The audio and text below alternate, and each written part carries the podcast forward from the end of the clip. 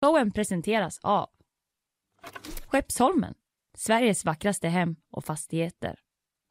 Lilla soffbutiken med det stora urvalet. Mjuk biltvätt, en ren upplevelse. Clearly, kontaktlinser på apotek. Ny vecka, nya tag. Nya problem. 23 januari om man så vill. Ja. ja, men det är ju kärva tider nu Fanny. Märker du av det eller fortsätter du leva loppan? Eh, jag, jag gör det, men jag borde inte göra det. Bara ignorera. Jag bara- Lånar pengar. Ja, snart. Snart går det inte mer, men snart är det lön! Ja, snart är det lördag, på onsdag är det lördag. Håll För, ut. för de allra flesta i alla fall. Eh, om man inte jobbar ja, kommunalt eller vad det är. Kan man få lite senare ibland. Eh, men vi eh, har- harvar ju på, eller dansar vidare som vanligt. Eh. Och eh, idag så ska jag prata om eh, NATO-helgen som varit. Med Ja. koranbränningar och demonstrationer och inställda besök. Det har varit mycket.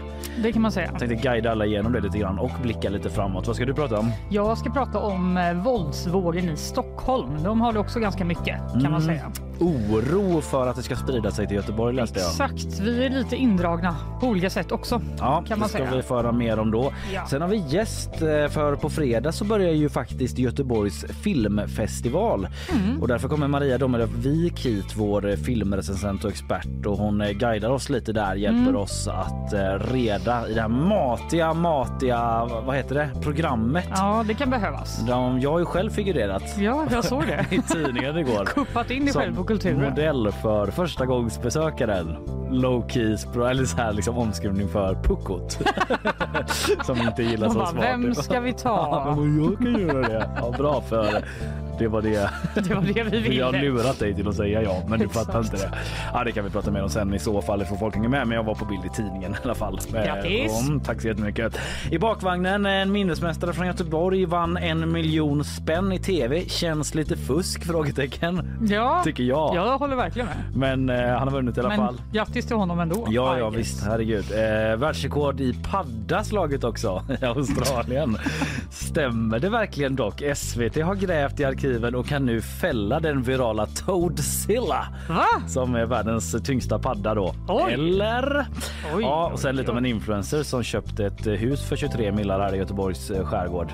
Inte kärva till det fälla. En riksdagsledamot som står upp för elallergiker. Om jag hinner med allt detta. Oh för du har ju my. lite också. Ja, men jag eh, tänkte prata om att Promo har klippt sig och skaffat sig ett jobb. Ja, stor nyhet i helgen. Ja, ja, men det var flashad och det var memes och det var liksom hur? all over Instagram och så vidare. Ja.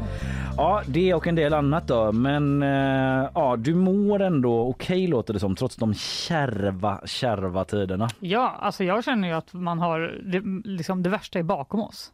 Ja, Nu blir det bara bättre och bättre, ljusare, trevligare.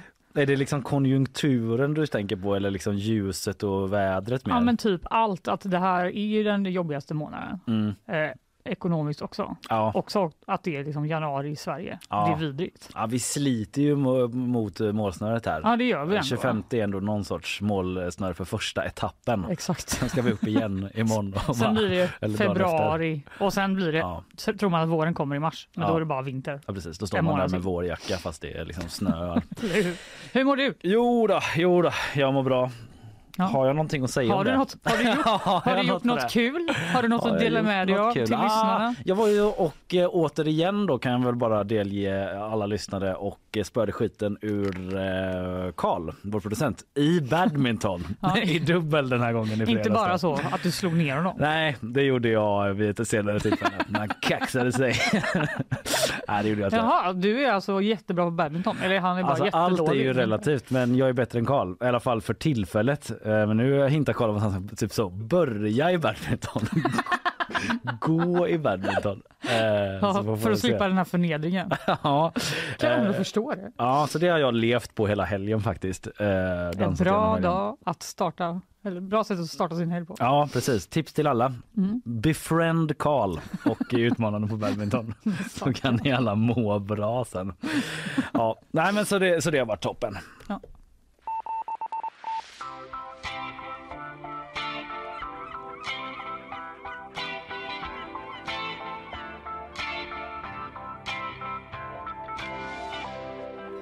Ja, annars i helgen så har det ju låtit så här i Turkiet.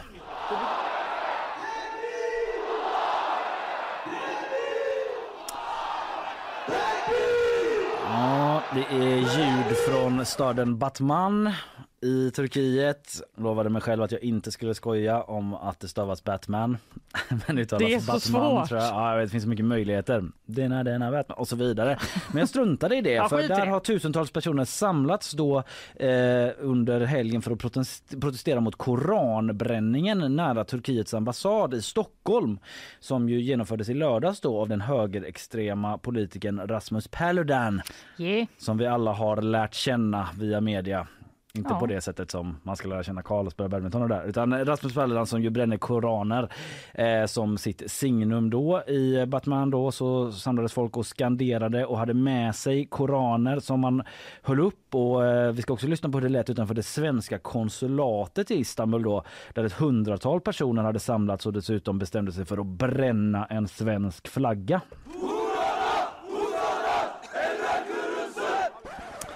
Tyvärr vet jag inte vad de säger för att eh, Nej. media konsekvent mörkar att översätta det och jag inte kan turkiska.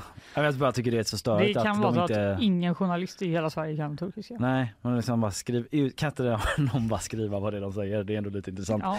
Eh, Men ja, man förstår väl eh, kontentan ungefär i alla fall. Eh, På ett av konsulatets fönster hade man också satt upp en lapp då som eh, nyhetsbyrån AP eh, mm, förklarar vad det står på den. Det står vi delar inte den bokbrännande idiotens åsikter. En relativt god ton får man säga, förutom idiot då. Ja. Men eh, man Vi delar inte hans delar åsikter. inte åsikter. Ja, det är ju helt okej. Fair enough. Ja. Vi har ju yttrandefrihet så det är okej här borta. Ja. Eh, I alla fall eh, upprörd stämning i Turkiet då och flera andra muslimska länder efter Paludans koranbränning i lördags och att man eh, tillåter honom att göra det då. För svensk räkning. Men yttrandefrihet råder ju. Och eh, redan innan Paludans manifestation så ställdes ju faktiskt försvarsminister Paul Jonssons besök till Turkiet in. Just det. Det var efter eh, Erdogan-dockan som vi redan har avhandlat här eh, och eh, efter innan att eh, innan manifestationen men den hade godkänts då och besöket har förlorat sin betydelse och mening sa landets försvarsminister alltså Turkiets eh, Hulusi Akar. Eh, han tyckte det är väl ingen idé. Nej. Eh, Men Paul Jonsson han skriver på Twitter att relationerna med Turkiet är mycket viktiga för Sverige och att han ser fram emot att fortsätta dialogen. Okej, han höll inte riktigt med. Nej, hörde du inte vad vi sa? Han bara, men eh, jag kanske kan komma lite senare då. Ja, Kan precis. vi prata lite mer Bokar då? en charter typ. Bara står utanför deras UD. Men alltså Bara, de hej. måste vara så chockade i Turkiet nu. Att de, ens, de visste inte ens att vi fanns. Och nu bara håller vi på med så, den ena sjuka grejen efter den andra. De bara, det här jävla landet, de är ju inte kloka ju. Vill inte de vara med i vårt lag? nej, exakt. Vad håller de på med? Ja, eh, en liten gestaltning av hur det kanske låter i kanslierna där. Ja, men de är ju irriterade, de tycker det är respektlöst. Eh, mm, men eh, Paul Jonsson, han var med i SVTs Agenda då, eller i Aktuellt, och eh, pratade om koranbränningen och en del annat. Vi kan lyssna på hur det lät. Jag tar personligen avstånd ifrån från, eh, brännandet av alla former av heliga skrifter. Jag tycker det är provokation. Men vi har yttrandefrihet, vi har demonstrationsfrihet och, och eh, mötesfrihet i Sverige. Och, på den grunden så fick han göra detta. Mm, Ja, lyfter yttrandefriheten men tar ändå avstånd från själva handlingen. Men eh, då undrar SVT Men de här protesterna, är det ett problem för svensk eh, säkerhet? Ja, det, det underlättar ju inte våra förutsättningar att bli medlemmar i Nato. Så, så är det. så är det. så är det.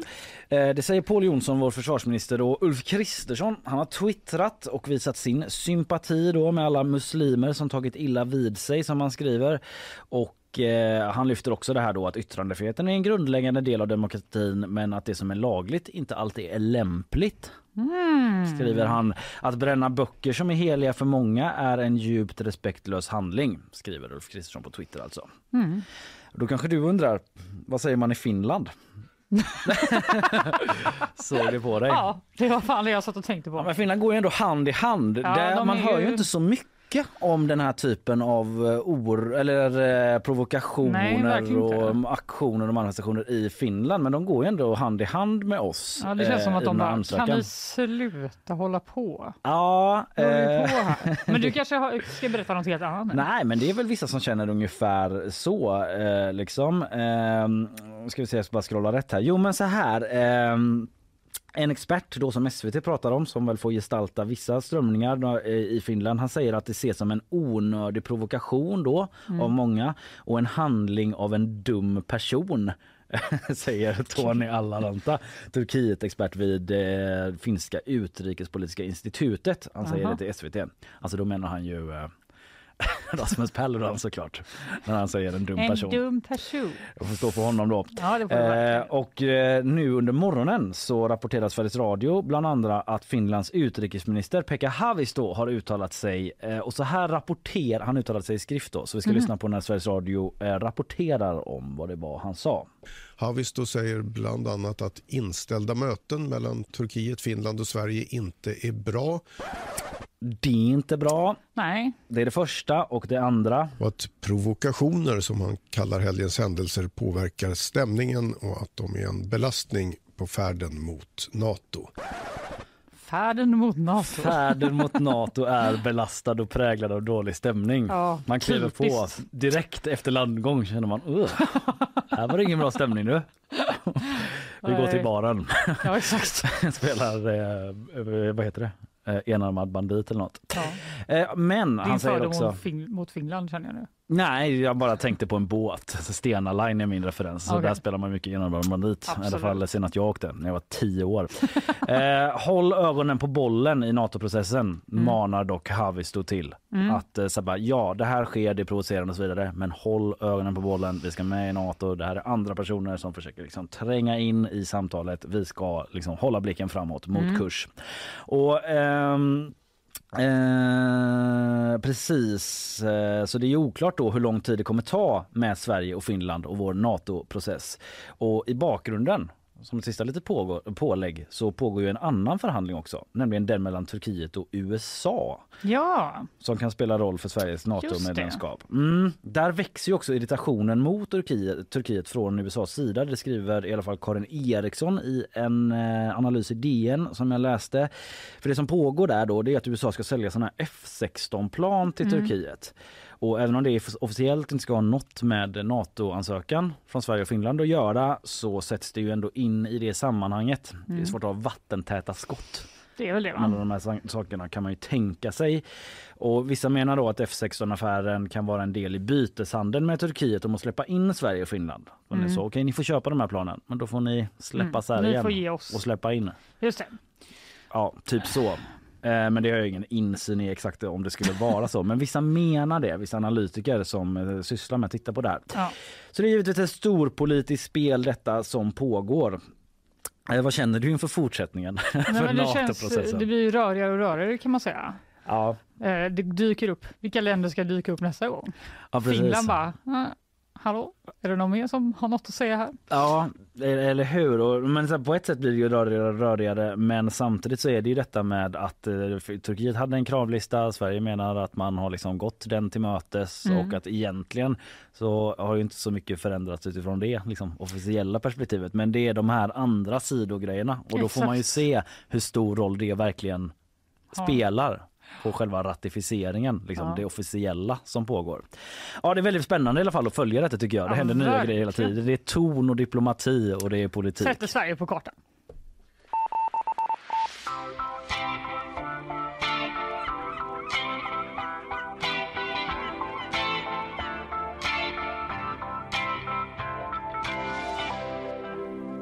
Ja, alldeles snart ska du prata mer om den här senaste våldsvågen i Stockholm då. Mm. Och lite om att det finns en oro i Göteborg för att det ska spilla över hit. Ja, Mm. så är det.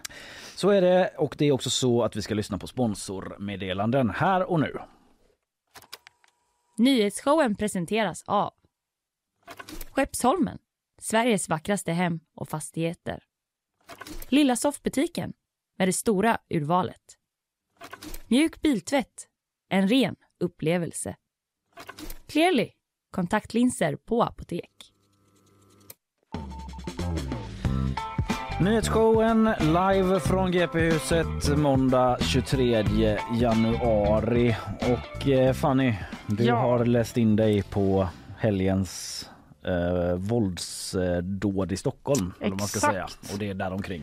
Ja, för ingen lär väl ha missat det nu att det sker helt enkelt en eskalering av grova våldsbrott i Stockholm nu. Det har gjort det sedan jul. Mm. Eh, 25 dåd ungefär har begåtts. Eh, i år. 25 år sedan i jul, det är ju Ja. ändå extremt. Extremt enligt min på en väldigt lekmannauppfattning. kort tid. Ja, mm. Ja, men inte bara du som säger det. Du får medhåll av typ polisen. Ja. Och, eh, det är ju både skjutningar och sprängningar då, som har skett på flera olika ställen i Stockholm och inte bara då i särskilt utsatta områden Nej. utan också liksom i det så kallade majoritetssamhället Ja. där vanliga människor bor. Ja. Och det har väl gjort att det har blivit extra uppmärksammat att det har liksom Jo, men jag har sett dem. Spårat eh, ur lite. Mm, precis. typ sprängt en restaurang på Söder. Mm, exakt. Det, då blir det ju Och i Årsta var det en sprängning. i Årsta där du jag bodde. också. Mm. Mm. Precis. Ja, men precis, det är väl en sån diskussion som återkommer när det händer i mer välbärgade områden. Då börjar folk plötsligt eh, bry sig. Nu har väl folk brytt sig innan men ja, jag fattar vad du menar. De har brytt sig innan men de drabbas på ett annat sätt Mm. helt enkelt. Medieeliten eh, på Söder. Exakt, de bara, "Vä? Mm. vad pågår? Men eh, allt det här har i alla fall lett till att polisen har inlett en så kallad särskild händelse.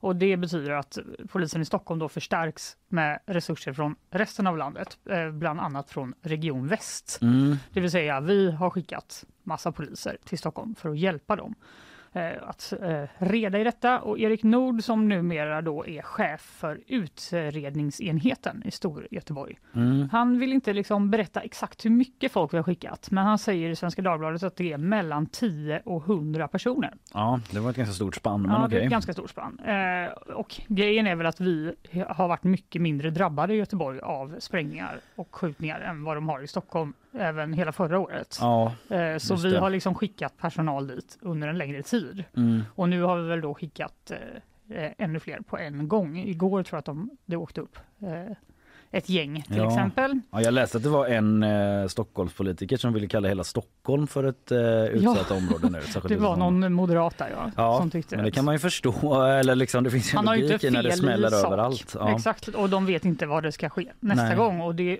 är ju uppenbarligen därför de behöver ännu mer resurser för de håller på att punktmarkera olika platser där det skulle kunna ske. Mm. Men eh, jag ska berätta lite mer om det snart. Ja, Eh, Erik Nord säger i alla fall att den här att vi skickar så mycket resurser kan påverka vår förmåga att lösa framförallt vardagsbrott.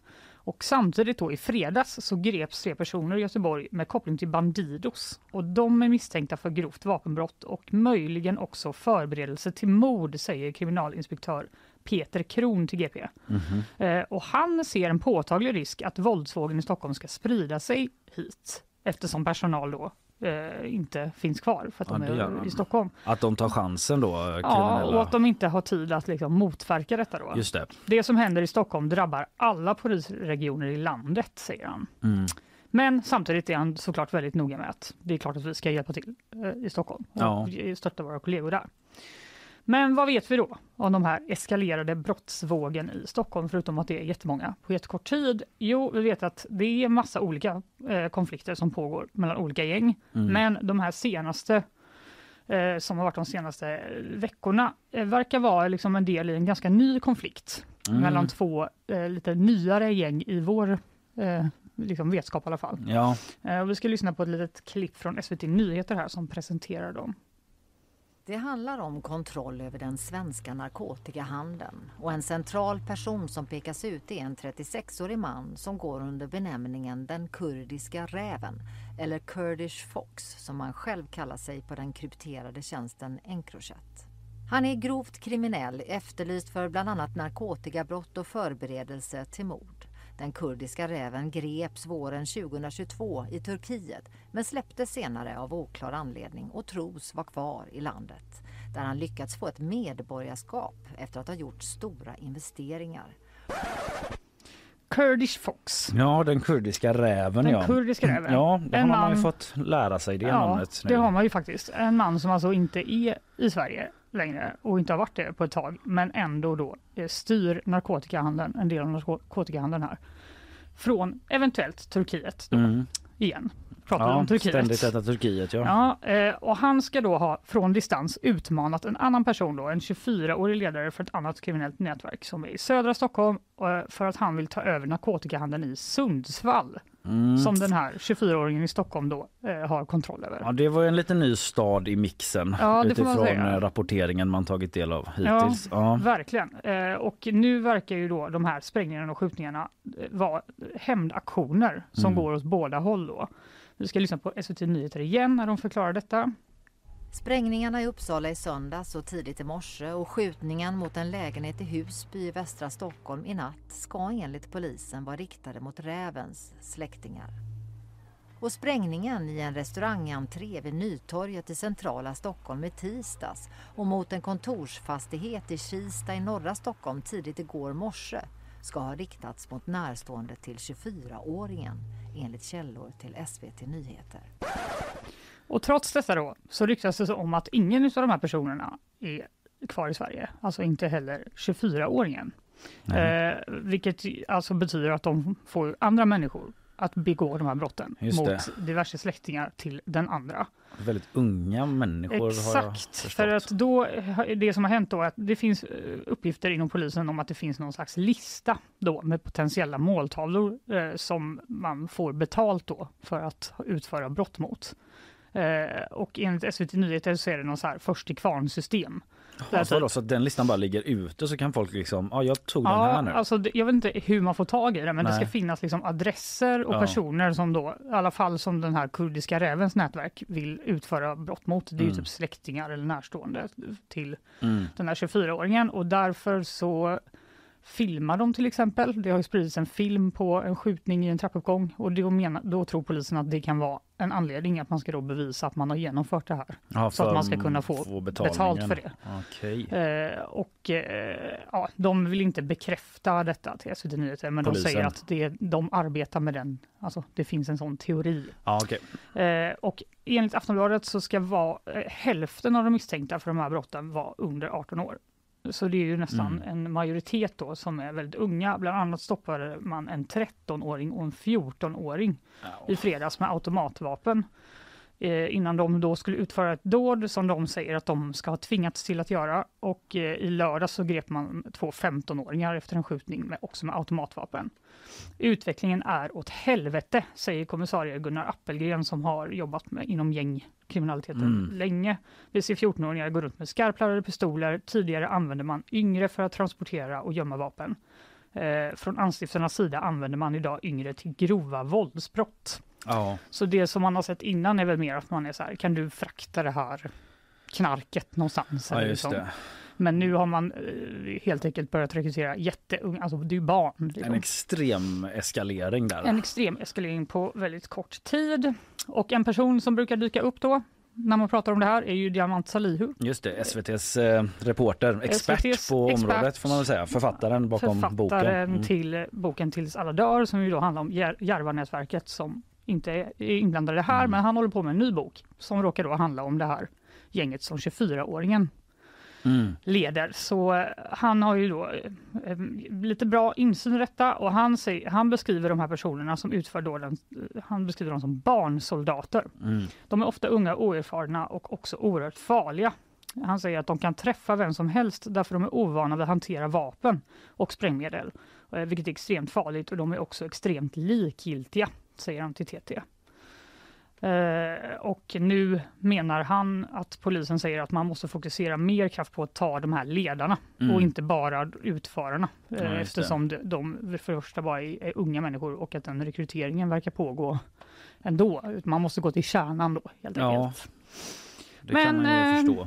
Det har ju såklart också kommit en del politiska utspel Ja, detta. Det här har ju varit en viktig fråga för eh, Moderaterna om inte annat i valrörelsen och eh, Ulf Kristersson har såklart gått ut och ja kommenterat det detta. väl, är väl lämpligt. Ja, det är väl lämpligt. Han säger kräver. eh, att de personerna ska hittas, de ska lagföras och de ska dömas till mycket långa straff och de ska utvisas ur landet om de inte är svenska medborgare. Vi ska göra mycket mer som de gör i Danmark. Mhm. Det har ju varit en Ja, det har man ju hört. lång eh, diskussion, men det ja. ska vi fortfarande göra. Snegla mot Danmark. Vi ska snegla mot Danmark. Socialdemokraterna har gått ut och sagt att de vill ha ett ökat brottsförebyggande arbete med fokus på barn och unga från fem års ålder för att stoppa rekryteringen till gängen. Mm. Moderaterna vill istället ha tuffare straff mot unga och göra det möjligt för socialtjänsten att gripa in även vid lägre åldrar utan förälders medgivande. Mhm. Idag måste man vara 15 år. Han vill att man ska sänka det till 12 år. Okej. Eh, och i onsdags så hade regeringens nya råd mot organiserad brottslighet sitt första möte och då sa justitieminister eh, Gunnar Strömmer att gängkriminella var inhemska terrorister. Ja, just det. Det citatet fick en del uppmärksamhet. Ja. Ja, han har ju varit ute eh, med polisen nu och försökt liksom, förstå har- vad som pågår. Ja, just det. De har visat eh, runt honom. Ja, och... i olika utsatta områden Ja. tror jag. Eh, och Moderaterna i Stockholm gjorde också ett utspel nu att de vill att man ska kunna kräva gängkriminella på ersättning för vårdkostnaderna som deras Mhm. kriminalitet orsakar. Mm. Eh, de har gjort ett policyförslag att om en person döms för att ha skjutit någon som sen vårdas på sjukhus så ska den kunna tvingas betala skadestånd för Mm. Vad det kostar då att Ja. vårda de här Det, skottskadade. det är många förslag som är ganska uppseendeväckande men det är också en extremt eh, ny och allvarlig och ja, uppseendeväckande är väl inte rätt ord men du förstår vad jag menar. Jo. Situation. Så man förstår ju att eh, lösningar eh, inte låter som de alltid låtit förr Nej, kanske. eller hur? Och jag tycker typ på ett sätt att de här politiska utspelen, alltså det är så mycket bredd i dem Mm, och det mm. visar väl också hur komplext problemet är. Ja. Man kan inte bara liksom eh, spärra in folk eller utvisa folk eller fånga upp dem tidigt utan Nej. man måste liksom försöka Men man måste också coola ner situationen Exakt. på gatan. Ja visst, det finns ju många sätt att angripa det där och, ja, och Exakt. så vidare. Och nu verkar det väl som att ja, det, helgen har passerat och eh, nu väntar väl liksom polisen på att se om de har ju arresterat massa människor och Mm. de får väl se om det blir en avkylande effekt som Mm. de säger. Men tyvärr tror jag att vi har eh, anledning att återkomma till detta. Säkerligen.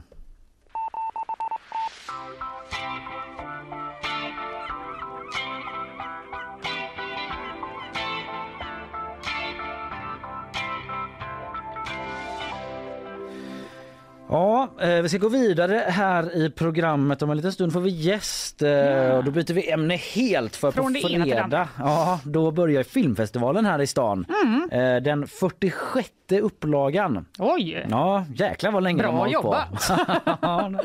Det får man säga. Vi får ut vår eh, filmrecensent eh, Maria Domelevik eh, som ju gått, undrar hur många upplagor hon har varit på. Ja, det ska vi fråga. Kan det vara f- 46? Nej, kanske inte riktigt, men eller jag vet inte. Jag känner att jag blev väldigt osäker Du bara, hur gammal är hon? Ja, det kanske var typ ett kränk nu. Nej, hon kanske var där som barn. Ja, just det, just det. Hon var där som barn. Ja, vi ska i alla fall prata om det om en liten stund. Men innan det så blir det sponsormeddelanden. Nyhetsshowen presenteras av Skeppsholmen, Sveriges vackraste hem och fastigheter. Lilla soffbutiken med det stora urvalet. Mjuk biltvätt, en ren upplevelse. Clearly, kontaktlinser på apotek. Ja, Maria Domelevik kommer hit eh, alldeles strax och snackar filmfestival. Eh, Vi får en liten guidning över vad man inte bör missa och eh, snackisar inför Mm. festivalen och sådär. Eh, Så häng kvar, vi är tillbaka om en 30-40 sekunder. Ja, visst, Fanny Wik Ja, och Kalle Berg är du. är det som sitter här i nyhetsshowen live från GP-huset Polhemsplatsen mitt i stan. Och eh, nu så eh, ska vi eh, prata med dagens gäst. På fredag invigs den 46 upplagan då, som sagt av Göteborgs filmfestival.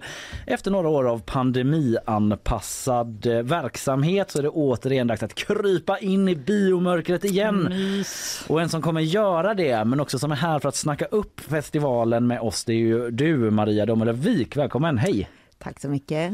Hur, eh, ska vi reda ut det direkt? Eh, när eh, besök, vilken var din första festival? Kommer du ihåg det?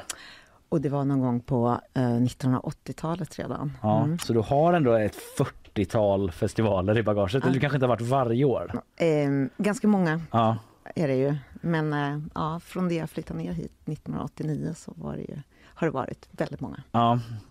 Vad är, hur är känslan i år då? Ja, men det är ju liksom som det alltid brukar vara, liksom en känsla av eufori blandat med lite ja, nästan stress över oj, alla de här filmerna man vill se och att man kanske ändå är bara en människa och bara kan se en bråkdel ändå.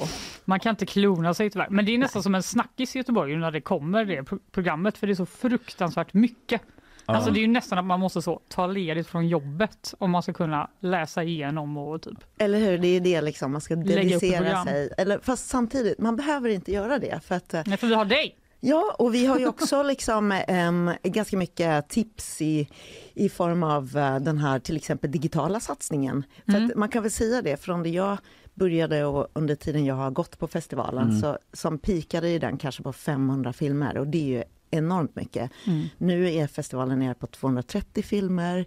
Uh, for, fortfarande dock från 70 olika länder. Mm. Men eh, den här digitala satsningen, där, är de väl, där har de väl kurerat det ännu snävare, så då har de kanske 20 eller någonting sånt. Just så det. där kan man få en fingervisning av vad man absolut inte ska missa enligt festivalprogramgruppen i alla fall. Mm. Jag har, inte, jag har inte varit på festivalen så många gånger men däremot nu under pandemin när de körde hårt på den online-satsningen. Ja. Då satt jag i Stockholm bänkad Ah. och så. Jag har aldrig sett så mycket festivalfilm som Vad när det var pandemi. Nej, och din upplevelse är verkligen inte unik, för det blev en väldig succé det där. Och nu är det ju flera som jag känner som ska göra både och.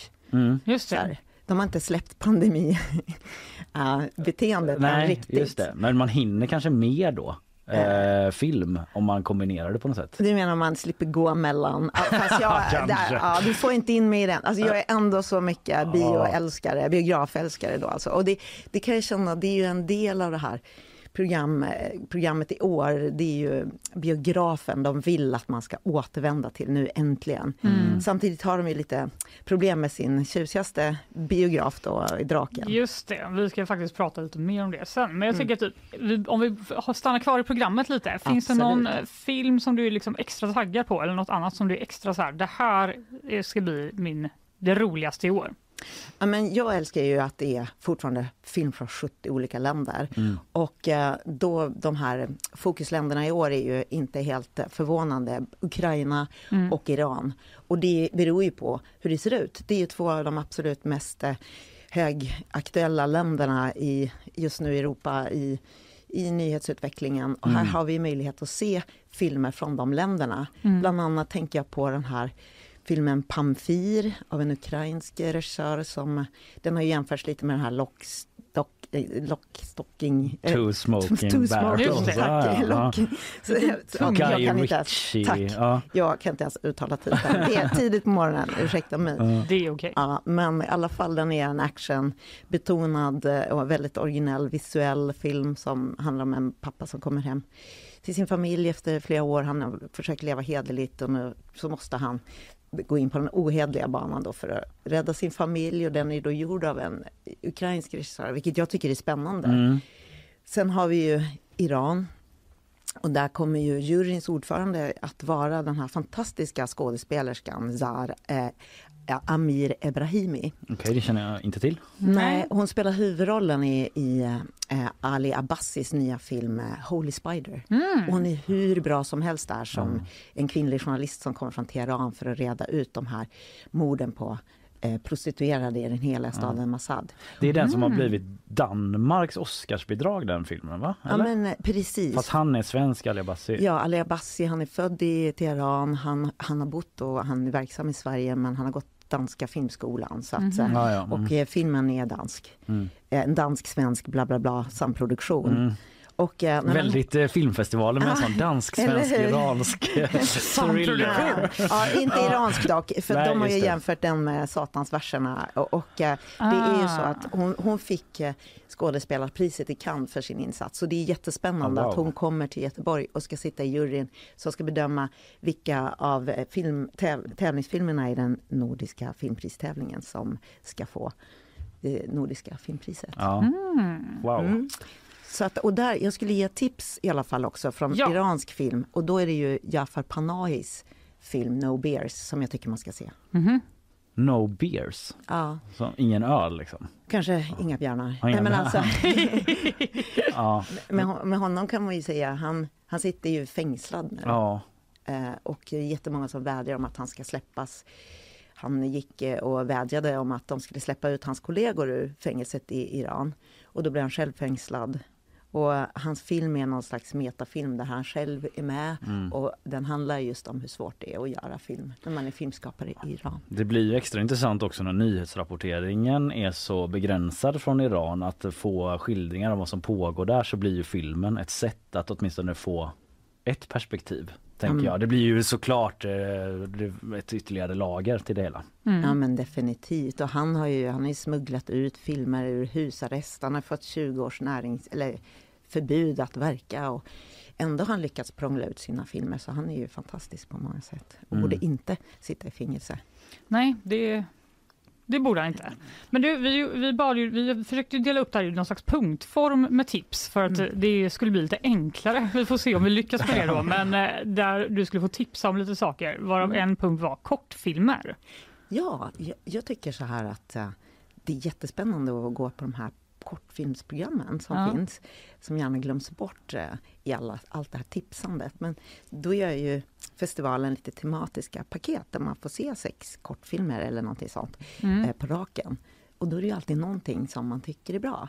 Mm. Och de är ju inte så långa heller, så att om man, om man eh, vill gå på bio och, så, och se lite varierat filmutbud så är det perfekt att sätta sig och bänka sig i en sån. Sällsynt tillfälle att eh, titta på kortfilm. Det känns lite Ja. som att Göteborgs filmfestival är liksom en stor eh, fanbärare för kortfilmen som koncept överhuvudtaget. Ja, Med den här startsladden och sådär. Men det är också ett sätt att upptäcka nya förmågor också. Att Absolut. många börjar, börjar så, Mm. gör kortfilm innan de slår igenom. Ja, men exakt, ni hade väl besök här i, i nyhetsshowen Exakt. av eh, ett gäng och de eh, är ju med i en annan väldigt bra tävlingssektion som heter Startsladden. Mm. De eh, duon som gjorde den här, Jörgen Hyltes eh, svåger. Mm. Anton Hellström var här. Precis, och eh, det, det är ju också kortfilmer, kanske något längre än kortfilmpaketen. Mm. Men där finns ju till exempel en spännande film av Jane Magnusson i år som Mhm. heter Svanmön. Mm. Och som, där hon porträtterar någon kvinna som bor i, i um, en jätteliten etta i Stockholms innerstad. Och så kommer det dit en elektriker och upptäcker att där bor också elva svanar. Så då får man reda på varför i den lilla filmen. Ja. Det är roligt med kortfilmer för de har ofta en sån väldigt stark plott tycker jag. Eller förutom Jörgen Hyltes svåger då, som, som handlar om en sån Som kon- inte har det. Nej, som inte har någon handling överhuvudtaget nästan om man eh, får tro Anton som sa här då eller ingen dramaturgi. Nej, det ville han inte riktigt eh, gå med på att den Ja. skulle ha. Det är ni på jobbet smärta, Ja, kanske. Ja just det kanske. Kanske. Eh, men startsladden är ju en, det är ju en kortfilmstävling men sen så finns det stora tävlingen också. Japp, Ja. det finns ju den här då nordiska tävlingen och eh, där är det ju flera spännande filmer som är med i år och öppningsfilmen verkar otroligt eh, intressant. Exodus heter den. Det är liksom ett migrantdrama om en eh, 12-årig tjej som eh, flyr eh, från Syrien och eh, det är under den här eh, flyktingvågen 2015. Mm. Och han som har gjort den, han var med och producerade en film som hette Måste Git. Just det. en Ja. eh, komedi som jag tyckte var hysteriskt rolig. Ja, jag gillar också den. Mm. Ja, den gick lite under radarn, men eh, jag tycker att alla borde se den här. Eh, inte minst nu i dessa dagar av gängkriminalitet. Också Mm. lite lockstockkänsla på den om jag minns det rätt. Eller så här snabba klipp och liksom. Ja, ja men förlåt men han eh, var med och producerade den. Han har producerat eh, den här också. Han debuterar med den här, Abbe Hassan heter han. Mm. Som Så- regissör alltså? Ja, Ah, exakt. okej. Så det är spännande. Sen har vi till exempel en eh, film om Edvard Munch eh, som är lite gjord som den här eh, Dylan-filmen I'm not there. Mm. Där det var ett antal skådisar som porträtterade Dylan Mm. på olika sätt. Just det. Eh, och här är det fyra olika skådisar som porträtterar Edvard Munch i ja, olika eh, delar av hans liv. Mhm. Så- Är det en norsk film då? Eller? Ja. mm. Japp, föga förvånande. Och sen så har vi ju den här Dogborn med eh, Silvana Imam. Just det ja. Hon spelar typ huvudrollen där eller? Ja, en av de två huvudrollerna det är liksom ett, eh, ett syskonpar då, som kallas för syster och bror som det kretsar kring. Det är Mm. också ett ganska mörkt drama där de inte riktigt har något hem och sådär. Uh, Mhm. Och det är väl Mm. lite festivalens tema i år, hemkomst. Mm. Just det. Och det kan ju vara då att man flyr ett hem, försöker hitta ett annat hem. Eller så pumpar de på väldigt mycket också. Göteborg Mm. som hemstad. Så. Mm. Just det.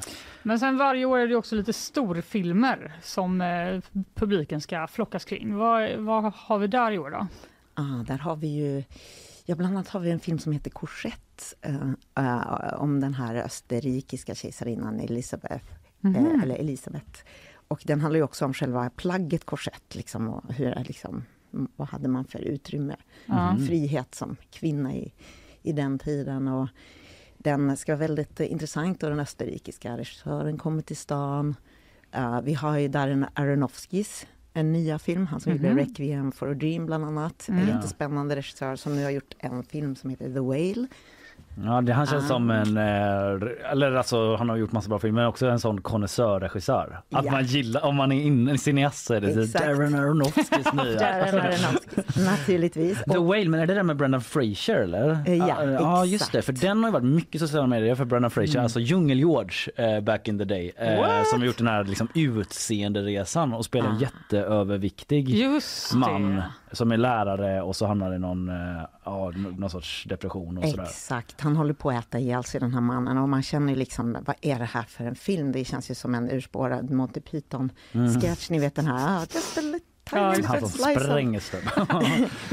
Men, men den ska ju också ha någon slags svart humor i sig. Mm, Ja, Ja. Svårt att tro, men det är ju en mörk historia, det är det. Och han, det, det luktar väl någon form av statyett där alltså. Ja, han har nominerats va? Det är så typiskt att jag, den enda filmen jag känner till är den amerikanska då som har matats ut med så bra sponsor eh, köp är i det. sociala medier. Så. Ja, exakt. Ja. Men, Nybörjaren.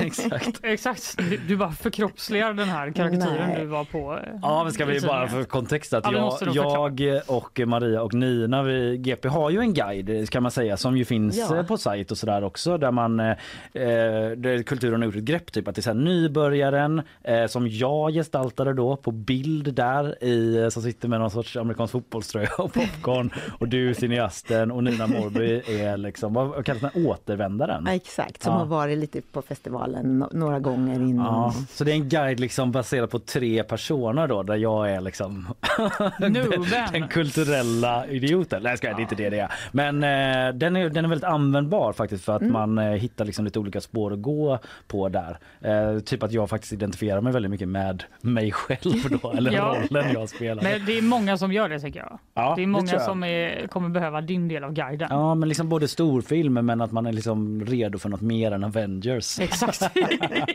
Man är på väg någonstans. Men jag tänker det just att det är jättebra just att kunna känna att, man inte, att det inte ska vara någon hög tröskel. För att Mm. det finns ju en massa bra film att se som är Ja. rolig och lättillgänglig. Många kanske tänker bara nej, eh, att det är liksom för mycket. Svartvitt, Mm. eh, Och- Ja, en stum Ingmar Bergman. Eh, Har sett det på filmfestivalen dock, men absolut. Ja. mm. Ja. Men eh, kommer det några kändisar hit eller? Förutom liksom regissörer och sånt, men som vanligt folk kan känna igen? Ja, det kommer ju till exempel Alicia Vikander kommer ehm, Jaså. eh, hit. Ja. Och Hon jag- är väl ändå eh, verkligen en kändis? Hon har ju ändå fått en Oscar. Och, Ja. ja. Så att, eh, hon kommer hit och hon ska jobba med sitt Hon ska inte filmlabb. tro att hon är något. Hon är göteborgare som alla andra. Hon är från Hisingen som alla andra. Ja. Nej förlåt jag avbröt dig. Nej, men hon, ska, hon, är, hon har inte så mycket publika mingelgrejer hon ska göra. Hon ska kanske inte vara med på så mycket snack och sånt utan hon ska sätta sina filmelever i arbete, Mm. kortfattat. Just Hon har någon liten klass hon leder i film. Mm. Lär upp. Så. Och Ruben Östlund ska också ha någon klass där han ska uh, sträcka upp publiken eller det är någon sorts eh, event de har där. Just det, uh, This is Cinema. Han eh, ska liksom uppfostra biopubliken. Som han, han, alltså poängen är väl att han vill att folk ska upptäcka hur nice det är att gå på bio. Ja. Mm. Men eh, han kommer att, eh, han kommer att eh, plåga pu- publiken på Draken eh, genom en sittning där de inte får göra fel. Eh, eller ja, det ska väl vara med humor. Han har gjort den här föreställningen förut i Marrakesh och London och sånt. Så Ah, okej. det, det handlar om eh, något sånt där. Ja, så här gör vi, dos and don'ts på, Mm. i salongen. Men är det här årets sån, eh, de har ju haft typ gynekolog eh, eh, bio eller vad det nu var och det var kistor man skulle ligga i och titta. Är det här liksom det Eh, årets sån happening? Ja, Mm. Det är biografen och Ruben Östlund i centrum. Det kommer bli helt outhärdligt tror jag, för det kommer vara bara massa extroverta människor som gör en sån sak. Och så hela biosalen kommer vara full av sådana som bara är lika mycket som Ruben själv. Kommer att ta ut varandra liksom. Man Ja. borde filma det här eventet. Man. Ja, det tycker jag. Ska vi bara, vi sa att vi skulle återkomma till det här med Järntorget för det händer ju en del runt Draken med byggen och det är lite knepigt att ta sig fram där eh, på ena sidan. Hur kommer det påverka tror du? Eh, jo, det kommer det nog att göra ändå. De, de har ju...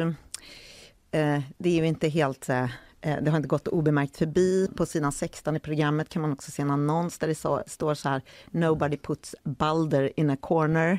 Vilket är skämtreplik med Nobody puts baby in the corner. Uh, För Balder är- för Balder, det är liksom byggherren som bygger det stora hotellet, Hotell Draken.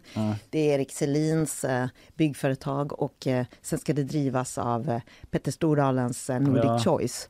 Och jag menar, det tornar ju upp sig där, 33 våningar högt och sätter sin skugga kanske både över biografen Draken och eh, Folkteatern. Man kunde kalla det för Godzilla eh, av Järntorget. Och, eh, eh, ma- ehm, det är ju liksom så att Draken alltid har varit festivalens eh, ja, eh, paradbio. Mm. Och nu ska den byggas ihop med det här hotellet. Så det har Ja, varit just det. världens byggkaos. Men nu ska det ju vara öppet under festivalen Mm. och de har fått tillbaka sin lilla drakbåt där på baldakin Mm. i alla fall och sådär. Men eh, man kan ju notera att det är, det är mycket reptiler runt Järntorget nu. Det är liksom den här ja, drakhotellet och Ja, just det. ett stenkast därifrån har vi den här Rainbow Snake, alltså regnbågsormen. Ja, just det. Men jag-. Jag fattar inte Balders eh, skämt. Nobody puts Balder in corner. Eller är det bara så här, här kom, vi kommer vara här. Deal with it. Eller jag förstår Eh, inte. Det kanske inte är du som ska tolka det heller. Reklam. Nej, jag tänkte väl kanske att det har inte direkt varit obemärkt att de har... Ta plats där. Att, nej, Nej, och att de menar att det ska de också, de ska bara ta ännu mer plats. Okej. Så ni kan inte liksom marginalisera oss in i något hörn, utan Ja. här bygger vi vårt hotell. Den marginaliserade gruppen Balder. i samhället. Ja, det är hårt för dem alltså. Ja, det är hårt. Men ja, jag tror ju att de, de drömmer om att när de öppnar det där och allt väl är klart så ska det bli en jättecentrum för svensk film och de Ja. kanske hoppas Mm. dra ner Guldbaggegalan och så vidare. Det Ah, finns ju mm. massa potential såklart i det här, men just nu kan, eh, kan man inte använda sig utav det här hotellet, utan det är bara en byggarbetsplats. Man ska liksom passera Ja. på vägen in, så det är ett mellanår kan man säga då. Ja, ur den nästa- aspekten ja. Nästa år tror jag väl att hotellet ska vara invigt. Ja, det blir intressant Det att följa det. tänkt så. Och nu har de ju bland annat Hagabion som de satsar stort på. För Folkets bio fyller 50 år i år och Hagabion fyller 50 år nästa år. Jaha. Sådär, ja. Sådär, ja. det finns ju fler ställen Ja. än Draken såklart. Ja, avslutningsvis då, eh, man kan följa bevakningen såklart eh, i GP och på GPs sajt. Eh, Du kommer se en del film misstänker jag. Oh ja, jag ska börja smyga, börja redan på torsdag med den här Passagerare i natten med Charlotte Gainsbourg. Den borde ni se också, handlar om en, en hemma, eller en, en frånskild eh, ba, trebarnsmamma tror jag hon är. Som, eh, skulle vi se det? Nej, men, men ja, inte, inte för att ni är frånskilda trebarnsmammor, men hon det- är radiopratare i natten. Åh, vad I mysigt! Paris. Hur mysig film? Jag ska så den. Ja, det blir man faktiskt sugen på. Kolla in guiden då på gp.se. Eh, väldigt bra om man eh, har lite svårt att navigera i det här matiga matiga programmet. Eh, vi tackar dig så länge Maria Domelövik, eh, vår filmrecensent och expert här på GP. Kör hårt nu så får du väl vila lite när festivalen är slut. Ja. Tack. Tack för idag. Eh, och vi ska ju som vanligt kasta oss vidare här i programmet eh, med fler nyhetssammanfattningar. Men innan vi gör det så tar vi lite sponsormeddelanden. De kommer här. Nyhetsshowen presenteras av Skeppsholmen, Sveriges vackraste hem och fastigheter. Lilla soffbutiken med det stora urvalet. Mjuk biltvätt, en ren upplevelse. Clearly, kontaktlinser på apotek.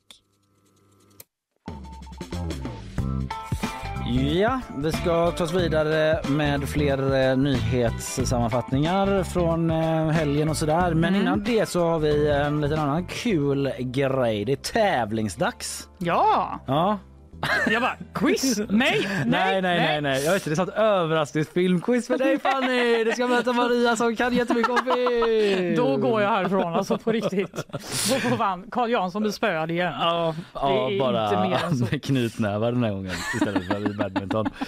eh, nej men vi har faktiskt en liten tävling där man har chansen att vinna biljetter till årets festival. Ja, gud vad kul. Ja, så det är inte kattpiss på något sätt utan det Verkligen är bra grejer i potten. Alltså man kan vinna ett presentkort till värdet av två festivalpass. Åh! Eh, som man kan gå med någon eh, man tycker om då. Eller någon, vad säger du Karl? Och två biljetter. Vad är Ah, du, be- skillnaden? du behöver ha ett pass för att komma in. Ja just det, man behöver pass och sen köper man biljetter också ja. Ja, ja Exakt. okej, så då Så får man nu- liksom en film gratis och så själva passet. Mm, Ja, Så man kan gå på massa filmer till om Ja. man köper till helt enkelt biljetter. det är en kanondeal. Det är verkligen en kanondeal. Mm. Vad kul! Vad snällt av oss. Ja, så vi går vidare. Jag ska, bara, jag ska berätta hur man gör då. Hur gör man då för att vinna det här eh, otroliga priset? Får jag tävla? Nej, jag. Eh, nej, det får du faktiskt inte. men, eh, för det hade blivit lite fuskigt tror jag. Ja. Eh, men man ser till att gå in och på Instagram och så följer man oss där och skickar DM så att vi kan se det. Och så sitter man och eh, plitar ner sitt bästa festivalminne. Man sammanfattar det på ett par meningar och skickar DM till oss innan onsdag. Mm. Så man har alltså bara idag och imorgon på sig. Så får påminna lite grann eh, på vår Instagram och sådär och här i Mm. sändning. Så folk verkligen gör det. Sen finns det en jury här på tidningen som väljer ut de bästa motiveringarna och kontaktar vinnarna. Kul! Eh, så alltså, om ni är ens lite sugna på att gå på festivalen, gör det här. Ja. För att det finns chans att vinna om jag säger så. eh, så eh, håll utkik på våran Instagram, nyhetsshowen heter vi där. Där kommer Mm. det mer information eller spola tillbaka så får ni höra det igen. Men lite mer sammanfattad och mindre liksom så blaha blaha. Kalleberg-stil på den informationen finns snart på vår Instagram.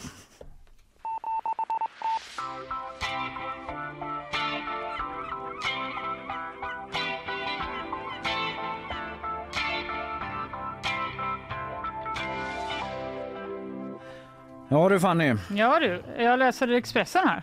Mm. Pris på snus höjs, tre kronor dyrare dosa. Ja, jag har sett en massa memes om det i helgen. Ja. Jag har ju slutat snusa då som Så en del du kanske känner till. skiter i det? Ja, så jag skrattar så och skrockar åt ja, nu blir det inte så kul för er där ute. Nej exakt, det var bara det att jag läste artikeln. Till skillnad från mig som bara Ja, såg memesen då. Exakt, Mm. och eh, nu ska jag berätta för er hur det egentligen ligger till. Återigen, du har gjort det här Ja. flera gånger. Viralgranskaren. Ja, men jag, jag hyllar dig för det.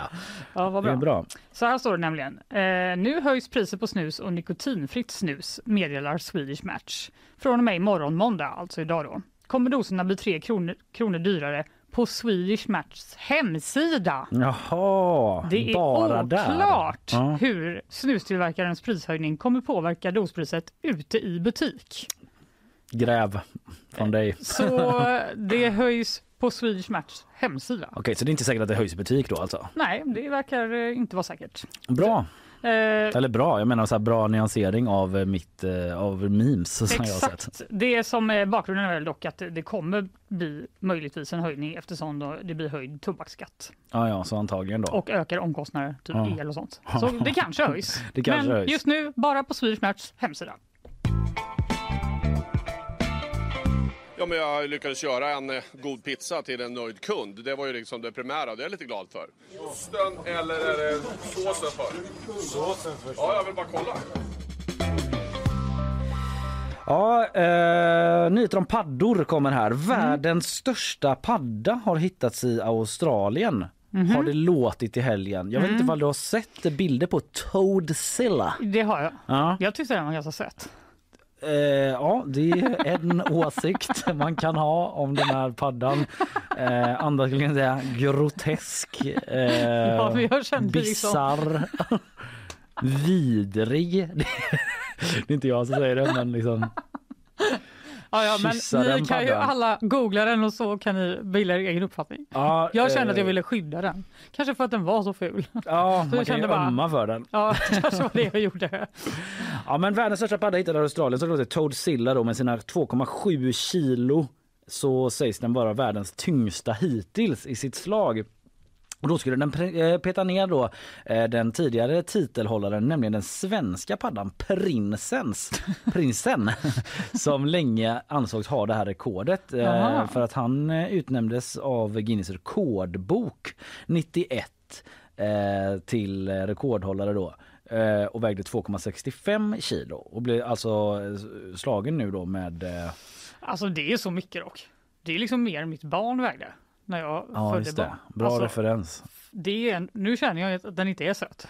Den är fan Alltså, grotesk den paddan alltså. svårt- 2,7 kilo. Det är, det, är, det är grovt är det. Alltså det, ni kan bara googla Toadsilla så kan alla få upp en bild på det. Men, men det som är kruxet här då, då är det att eh, SVT har tittat lite närmare på det här. Jag vet inte om de har någon sån gammal medarbetare som har varit med ett tag Just och det, bara som bara prinsen. Prinsen, hmm, 2,65 kilo. Det är fler viralgranskare ute där. ja, det är det. För att eh, på sin lilla rubrik så har SVT lagt till ett eller? Frågetecken. Eh, de har grävt i sina arkiv från när de var ute och eh, träffade prinsen på det goda 90-talet. eh, och vi kan lyssna bara lite på hur det lät när de var hemma då hos eh, familjen Forsberg där prinsen bodde. Vid ett matningstillfälle kan han äta upp till åtta stycken takråttor. Det är stora råttor det. Det är stora råttor. Ursäkta? Åtta stora råttor vid ett matningstillfälle kunde den här eh, råttan jag, äta. trodde, jag trodde de var liksom vegetarianer. Jag visste inte heller att de åt råttor.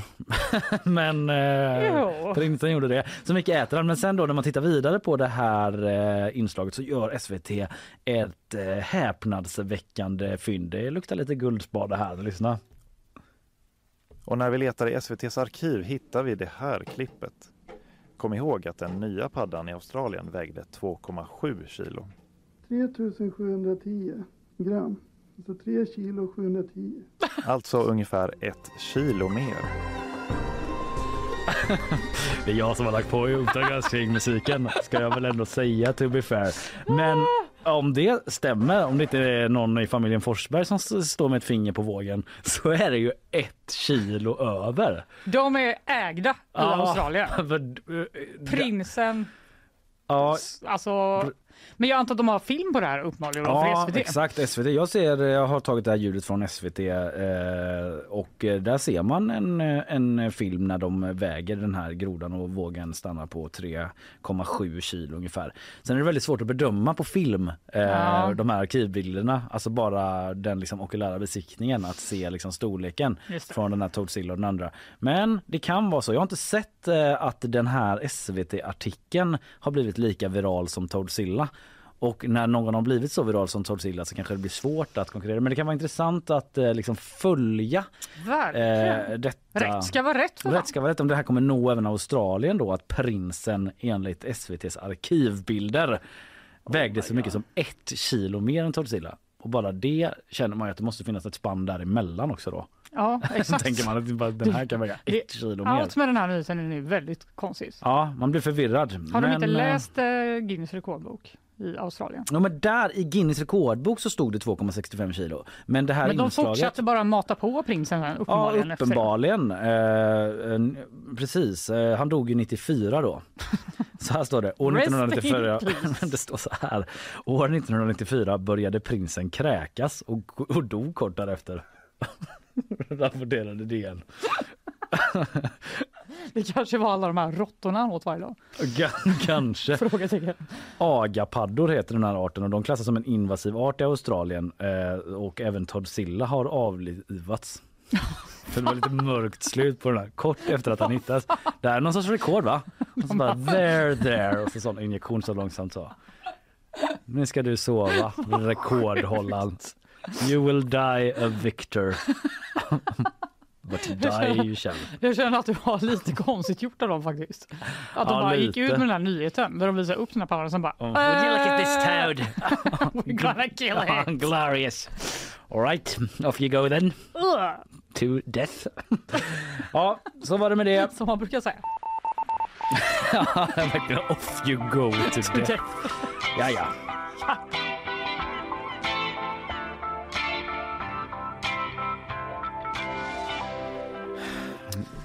Det var ju väldigt spännande nyhetsläge igår när eh, vi pushade att Promo har klippt sig och skaffat ett jobb. Ja, jag blev ändå berörd. Ja. Promo är ju ändå, nu känner man så här, nu är man gammal på Exakt, riktigt. nu har till och med han vuxit upp. liksom. Ja, ja. Eh, Men eh, i 30 år hade han haft sina väldigt karaktäristiska dreadlocks och meterlånga skägg. Just det, rapparen Promo känd från Loop Troop. Känd från Loop Troop Rockers. Vad är din eh, relation till dem? Att jag lyssnade eh, ganska mycket på dem. Mm. Alltså när jag gick i typ högstadiet. Mm. När man lyssnade på hiphop, då var ju de som gjorde svensk hiphop då. Exakt. Eh, I mångt och mycket liksom. Det var ju liksom lite efter Latin Kings och allt sånt. Men det var ju liksom Loop Troop, Petter, mm, MBMA. Just lite det. den typen av band. Ja, men de var ju verkligen ett av de, de stora banden i, Mm. på den scenen då. Jag kan nog känna att de senaste åren har det mest varit att de har varit skämda för det här skämt, skämda, kända för det här skämtet. Att det, vilka ersätter de någon ställer in? Exakt, då är det alltid eh, då är det alltid Troop. Ja. ja, för vem var det som ställde in på Way Out West? det var ju så här att Frank Ocean skulle komma till Way Out West ja. typ 2012. Han var typ en av världens största artister då. Det var liksom som att typ The Weeknd skulle komma nu. Ja. Alla bara, alltså det här är det fetaste någonsin. Frank Ocean kommer. Alla köpte biljett. Sen bara ställde han in typ med några timmars varsel. Ja. Och då fick Loop Troop hoppa in. Så jävla otacksamt också. Bara, För- Men det är klart man tar det gigget. Ja, alla besvikna utom min kompis Niklas som stod längst fram bara det är så jävla fett där, don't hate the player, hate the game. Ja, men han, han- älskar Group, han var så glad. Det var säkert några sådana eh, som blev glada. Men jag tror att de flesta kanske inte blev det, förlåt Troop. Och sen året efter, Mm. då ställde Modest Mouse ja, inte in. lika. Inte lite, lika, eh, ja det är en helt annan genre dessutom. Men då fick de också Loop Troops eh, hoppa in. Och det var på den här konstiga typ Hultsfred, vad hette den? Den hette typ någonting Hultsfred som inte låg i Hultsfred längre utan det låg i typ Märsta. Att de bara, vi ska ha Hultsfred men ingen orkar ju åka dit. Var det att Modest Mouse stod i Småland någonstans? Var- De bara, hallå! så Harrys i Vimmerby och bara is this it? Eh, De lurade dem någonstans för att få Loop Troop upp på scen. Och det låter som ett sånt indieband också, du vet så står och bara blåser upp luggen och vågar inte säga vilka de är typ. Typ att de inte märker att ingen är där. För att de bara står så och spelar. Ja. Och sen bara, "Äh, ja, de var ju Märsta. Ja. Men i alla fall, Loop Troop fick hoppa in och där föddes då skämtet. Det Loop Troop Rocker som ersätter eller? Som Mm. typ for, fortfarande pågår. Ja, precis. Och då känns det som De att behöver en riksdagen. Ja, Då kommer, då kommer Pee-Wee. Eller nej, det kanske var han i Loop Troop? Jag kommer inte ihåg. MB. Ja, skitsamma. Men det skulle väl kunna hända då, för Promo har ju då eh, blivit jurist. Förlåt, jag måste bara säga Pee-Wee var inte med där. Nej, han har blivit jurist. Han ja, har blivit jurist. Ja, men just det. Mm. Han blev klar 2001 och, eh, 2021 och jobbar typ på eh, någon advokatfirma i eh, Malmö. Mm. Mm. Men det är inte därför han har klippt sig, står det i vår eh, artikel. Okej. Jag tänker att alla tänker det. Mm. Att det är så här, nu måste jag vara seriös. Men han är väldigt så, ingen har kommenterat mina dreads på mitt jobb. Nej. Eh, bara så ni vet. Typ. Objection your honor. Kolla på det här jävla skatbot. så jävla hemskt. Han bara, ja, ja, det är väl dags nu. Ja. Men han säger, Jan frågar ju såklart, det är också breaking, liksom, väldigt eh, Fråga, svar, liksom. här. Det är inte därför han klippt sig. Men varför har han klippt sig då? Jo, det kanske låter futtigt, men de var i vägen. Till slut så tröttnade jag helt enkelt. Det blev för jobbigt, Ja, just det. Ja. säger eh, Mårten Ed, som han heter. Ja, just det. Enligt eh, målsägandens framställan så, så måste han liksom dra bort det. De bara, är, är du där? Det bara händer någonting. Det är skägg, det är något på andra sidan. Så det är bara två små ögon så. Som. Just det. det blir också ett sånt fall av liksom identitetsverifikation, att det skulle kunna vara någon annan bakom det där håret. Ja, det kanske är De därför. vet att det verkligen är Mårten Ed. Men det är ingen annan som ser ut så dock i Sverige. Nej, det är en av Sveriges mest ikoniska frisyrer. Ja, det får man verkligen säga. Som han har hållit i genom tider av så kulturell approprieringsdebatt och så. Ja, Men, det eh, vill han också säga att det är inte heller därför. Det är inte därför. Han har klippt av dem, även om han har förståelse att Mm. man kan bli upprörd över det. 27 år hade han dem i alla fall och eh, i höstas så klippte han av sig håret och skägget. Men det, har liksom, det var så svårt beslut för honom. Mm. Så det var först nu han gick ut i sociala medier och berättade att det hade skett. Ja, han la upp den och drog någon sorts ålskämt också efter det här med PM Nilsson. Gjorde inte han det själv också? Vad det, ha- jag har sett att det här har blivit då en... eh, Bilden på honom är att han står på en strand vid havet och så Mm. håller han upp sina dreadlocks och då ser de typ lite ut som ålar, I guess, om man vill. Ja, han skriver så här, den gamla havet AKA förbjudet ålfiske.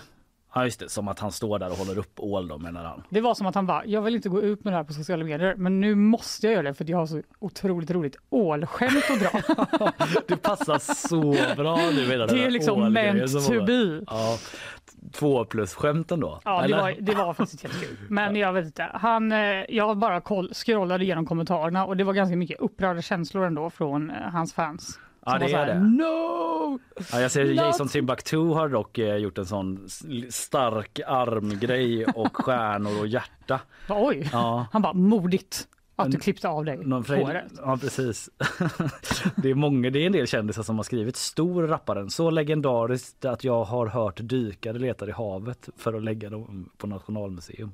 Eh, Okej, ja, men att de ska ställa ut. Han menar väl att de ska ställa ut den här, de här dreadsen då. Jaha, ja, det är oklart vad som har hänt med dem. Ja. Det kanske är så att de dyker upp på ett museum nära dig. Vem vet? Inte i eh, typ Lunds tingsrätt då. Eller Nej. han kan hålla till. Eh, ja, en era är över. Ja.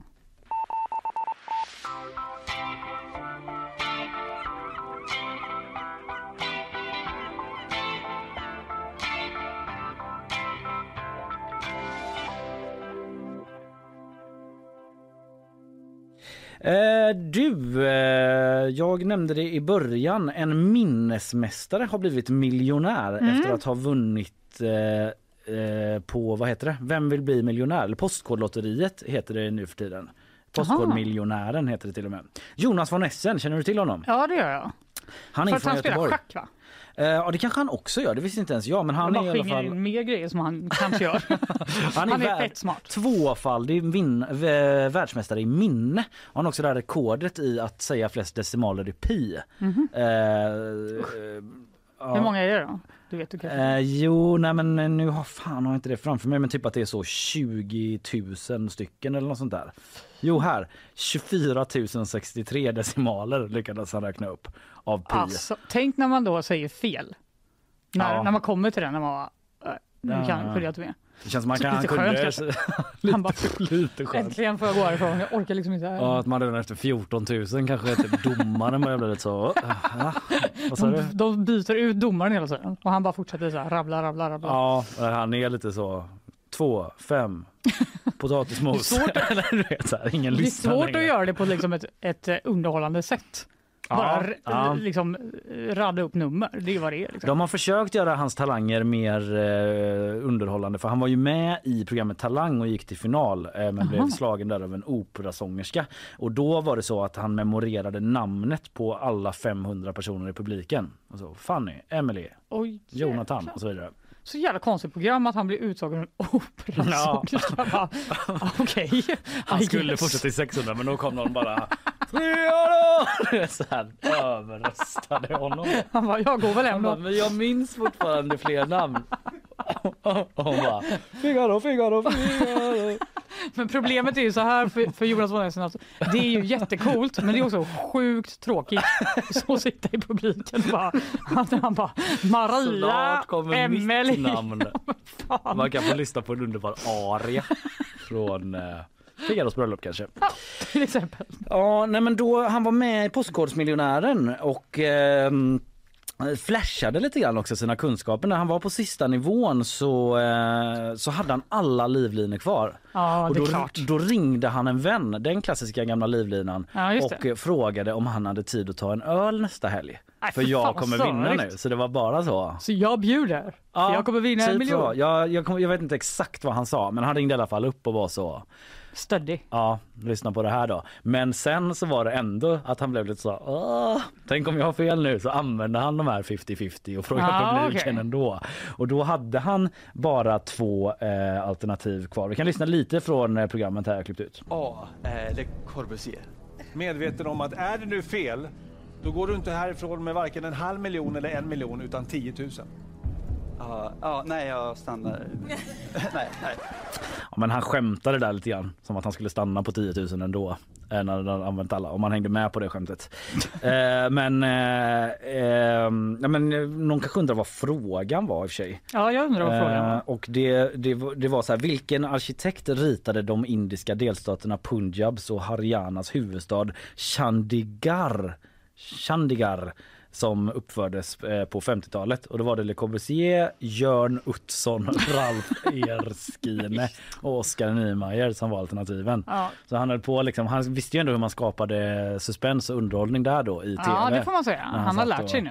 Ja, det har, det har han verkligen gjort. Och eh, då hade han rätt svar då så vi kan bara lyssna lite på när han eh, på slutet där. Och när vi letar i SVT... Nej, det var ju SVT. Börja jubla hörni, för det är rätt svaret! Rickard Sjöberg, eller vad heter han, Mm. i extas. Då hade Jonas von Essen redan ställt sig upp på sin lilla stol. Han visste ju att han hade rätt och så när han säger det så bara ställer han sig upp. En miljon. Och då kan man känna så här, är det lite fusk? Att en minnesmästare får vara med och vinna det här? Eh, ja, kanske inte. Jag menar, alla får väl tävla, I guess. Men, de måste ju ändå känt lite att nu ryker snart en miljon. Ja, man undrar ju varför de lät honom vara med Ja. mer. Men- Alltså, man kan ju fatta att han ville vara med. Ja. Men att de bara, ska vi ge den här gubben en miljon? Ja, han kommer klara det liksom. Men kanske antingen så lottas det eller så är det bara så Ja men heder till Postkodmiljonären Ja, som säga. låter alla vara med och tävla. Eh, han är från Hisings Backa Mm. och eh, tror bor i Göteborg. Kanske kan få hit honom någon gång. Det vore kul. Och, eh, Han kan vara med på quizet när Mm. Linnea eh, quizar. Ja, det hade, sig, det hade faktiskt varit jävligt roligt om han var det. Han har säkert ställt upp. Jag har träffat honom ett par gånger. Han är jättetrevlig Ja. eh, tycker jag. Om du Eh, hör det här, kom hit på fredag. precis.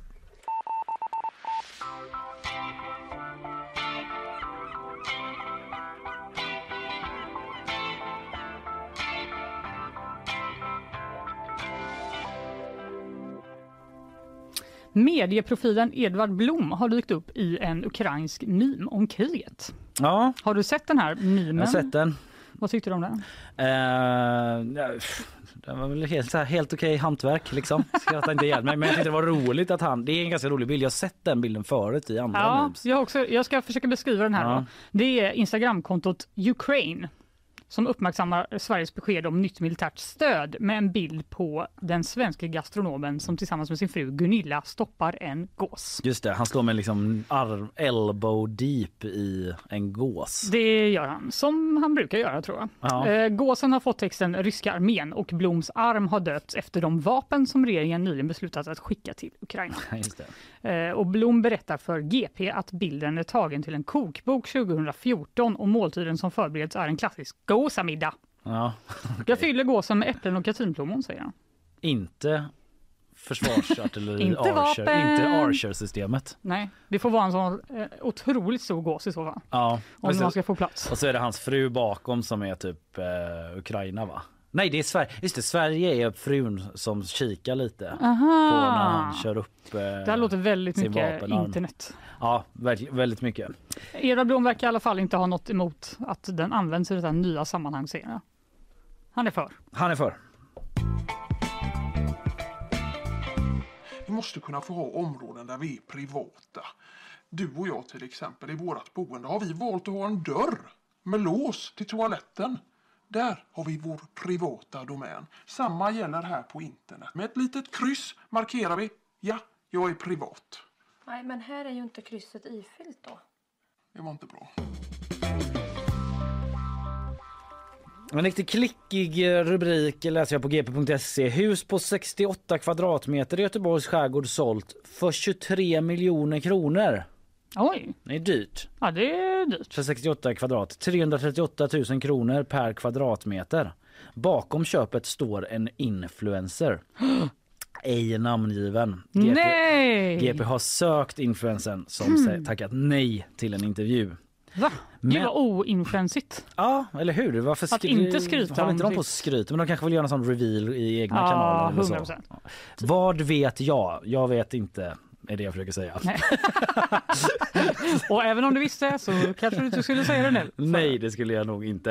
Eh, eller skulle jag inte. Eh, Det här stora huset då kan jag ändå läsa. Det är ändå lite intressant vad det är som går för så mycket pengar. Det ligger på en eh, skärgårdsö i Göteborgs eh, skärgård och det är byggt 1930 och ligger eh, 50 meter från stranden då och till den här huvudbyggnaden som ju inte var så stor om man ser till priset. Nej, verkligen inte. Så eh, hör eh, en tomt på nästan 6000 kvadratmeter. Oj! Ja, så den, Okej, och den man- inkluderar vissa sidobyggnader då också. Man betalar för att vara, inte ha grannar Ja, det kan man och väl säga. ha havet precis framför sig. Exakt, eh, och det, eh, den eh, ramas in då den här fastigheten av en väldigt stor eh, brygga. Det ser liksom ut som en liten småbåtshamn nästan. Ja, alltså jag ser här på, på g.se. Ja. Det ser ju typ ut som att så här, en eh, eh, typ militärfartyg ska lägga till. Ja. Alltså en riktig eh, älvsnabben lägger till. Ja men den är liksom properly in, eh, eller så här omgärdad av stenar så han kunde stå emot ganska hårt väder kan man Ja. tänka sig. Där kan man lägga till med en och annan båt. Men annars själva huset ser ut som ganska ja, men så normalt, alltså absolut lyxigt och fint och så men så är det ju ganska mycket i skärgården nu för tiden. Men ett Verkligen. lyxigt skärgårdshus som ligger för sig själv där med en liten stenstrand eh, runt omkring. Och ehm. Mä- mäklaren då eh, som eh, s- s- sålt det här huset heter Ludvig Lundgren på mäklarbyrån Esny Eklund Stockholm New York. Det är väl han eh, Fredrik Eklund Mm. eh, kändisen. Just det, han har ett litet kontor här nu. Sigge Eklunds brorsa. Exakt. Eh, som har den byrån eh, skulle jag tro. Eh, och eh, det här var ett ovanligt högt pris då motsvarande sin storlek i området. Det var, bör vara i topp ja säger han. Man köper ju så mycket mer än ett hus här. Man köper ett unikt koncept säger han och att det var många som hörde av sig som söker just speciella fastigheter. Mhm. Eh, ja. Samtidigt då så har medelpriset per kvadratmeter för en villa i Göteborg den senaste 12 månaderna låg det på 51 000 kronor och det här låg på 380 då ungefär. Jaha. Det är någon som inte är drabbad av de här hårda kärva tiderna uppenbarligen. Nej, uppenbarligen. Vi har nog med politiker som skyller sina misstag på andra och som inte själv vill ta ansvar. Men om vi ska vidta... Vi kan ta det efteråt, Magdalena Andersson. Kan du få berätta vad som var så roligt för allihopa? Har du något roligt att berätta för allihopa? Alltså inte roligt men kanske lite konstigt tyckte jag själv. Ja. För forskare vid universitetet i Århus eh, i Danmark Mm. har undersökt 200 000 låtar och sammanställt en lista innehållandes musik som ska vara lätt att somna till, skriver NMI, Mhm. musiktidningen. Eh, och då ska det bland annat vara K-popgruppen BTS låt Dynamite.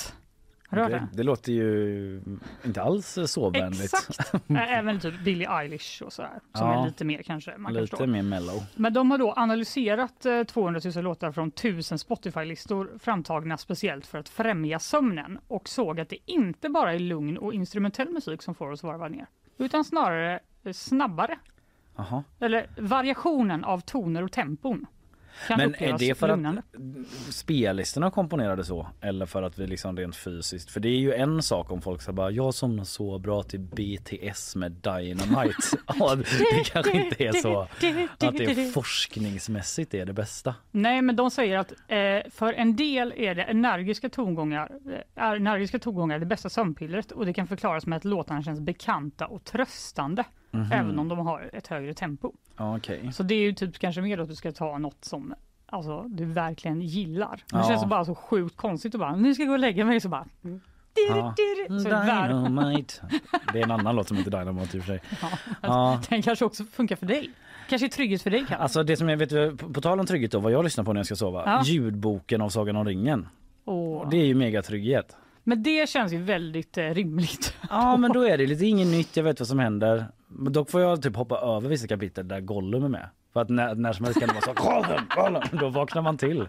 När man är lite. Så sjukt obehagligt. Ja det är bättre att lyssna på typ så The Battle of Helms Deep än när han bara Precious, my precious.